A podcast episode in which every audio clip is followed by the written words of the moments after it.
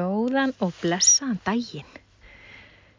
Hvernig verður þessi dagur? Heldur að var ekki geggjaður? Ég vona það. En hver ræður því? hver stjórna því hversi, hvernig þessi dagur verður hjá þér? Það er stóra spurningin sko.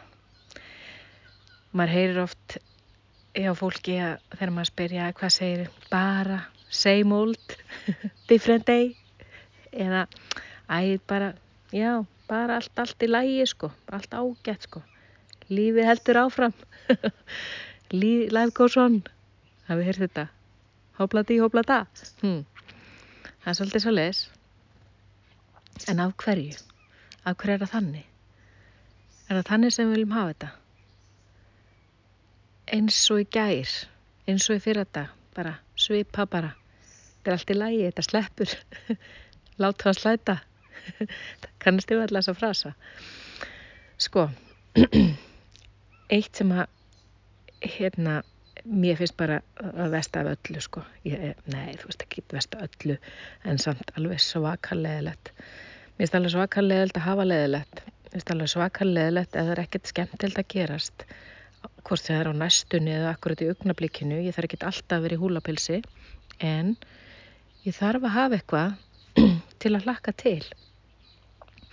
Og það er ótrúlega sniðugt að hugsa það á mótnana hverju get ég verið spennt fyrir í dag eða yfir? Hvað getur verið svona, svona skemmtileg punkturum minn í dag?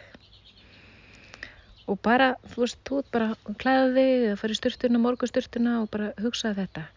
Ok, í dag um þá ætlum ég að gleði einhvern, ég ætla að færa einhverjum blóm eða ég ætla að elda fyrir einhvern eða ég ætla að hérna ringja í gamla vinkonu eða ég ætla að bjóða einhverjum í bíltúr eða bara hvað sem þér dættur í hug sem getur verið gert daginn þinn svolítið skemmtilegri og kannski ég vel öðruvísi heldur en aðra daga.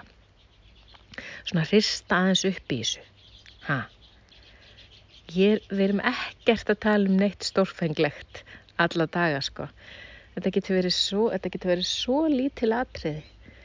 Bara, þú veist, borðaðu sitjandi á gólfinu er eitthvað, gerð eitthvað öðruvísi.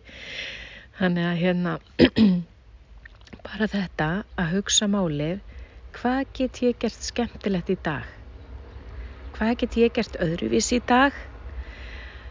Til þess að dagurinn minn verði spennandi, til þess að ég hafa eitthvað til þess að hlakka til og þá er líka einhvern veginn léttara ofta að rustla af einhverjum verkefnum sem er ekkit endilega spennandi sem að býða manns og maður svona svolítið þarf að gera og hérna til þess að geta fara að koma sér í þetta verkefni sem að beðmanns og eða sem, sem að manni maður valdi sér að hafa spennandi verkefni dagsins hvernig hljóma þetta? Hefur þið prófað þetta?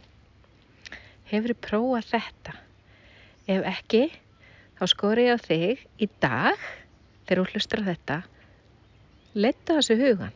Hvað get ég gerð spennandi í dag? Öðruvísi, skemmtilegt, eitthvað sem ég laka til, eitthvað sem, eitthvað sem ég laka til, eitthvað sem er öðruvísi. Hugsa þetta og sjá hvernig dagurinn þið verður í kvöld. Hvort verður þetta ekki allsæl eða sæl með daginn.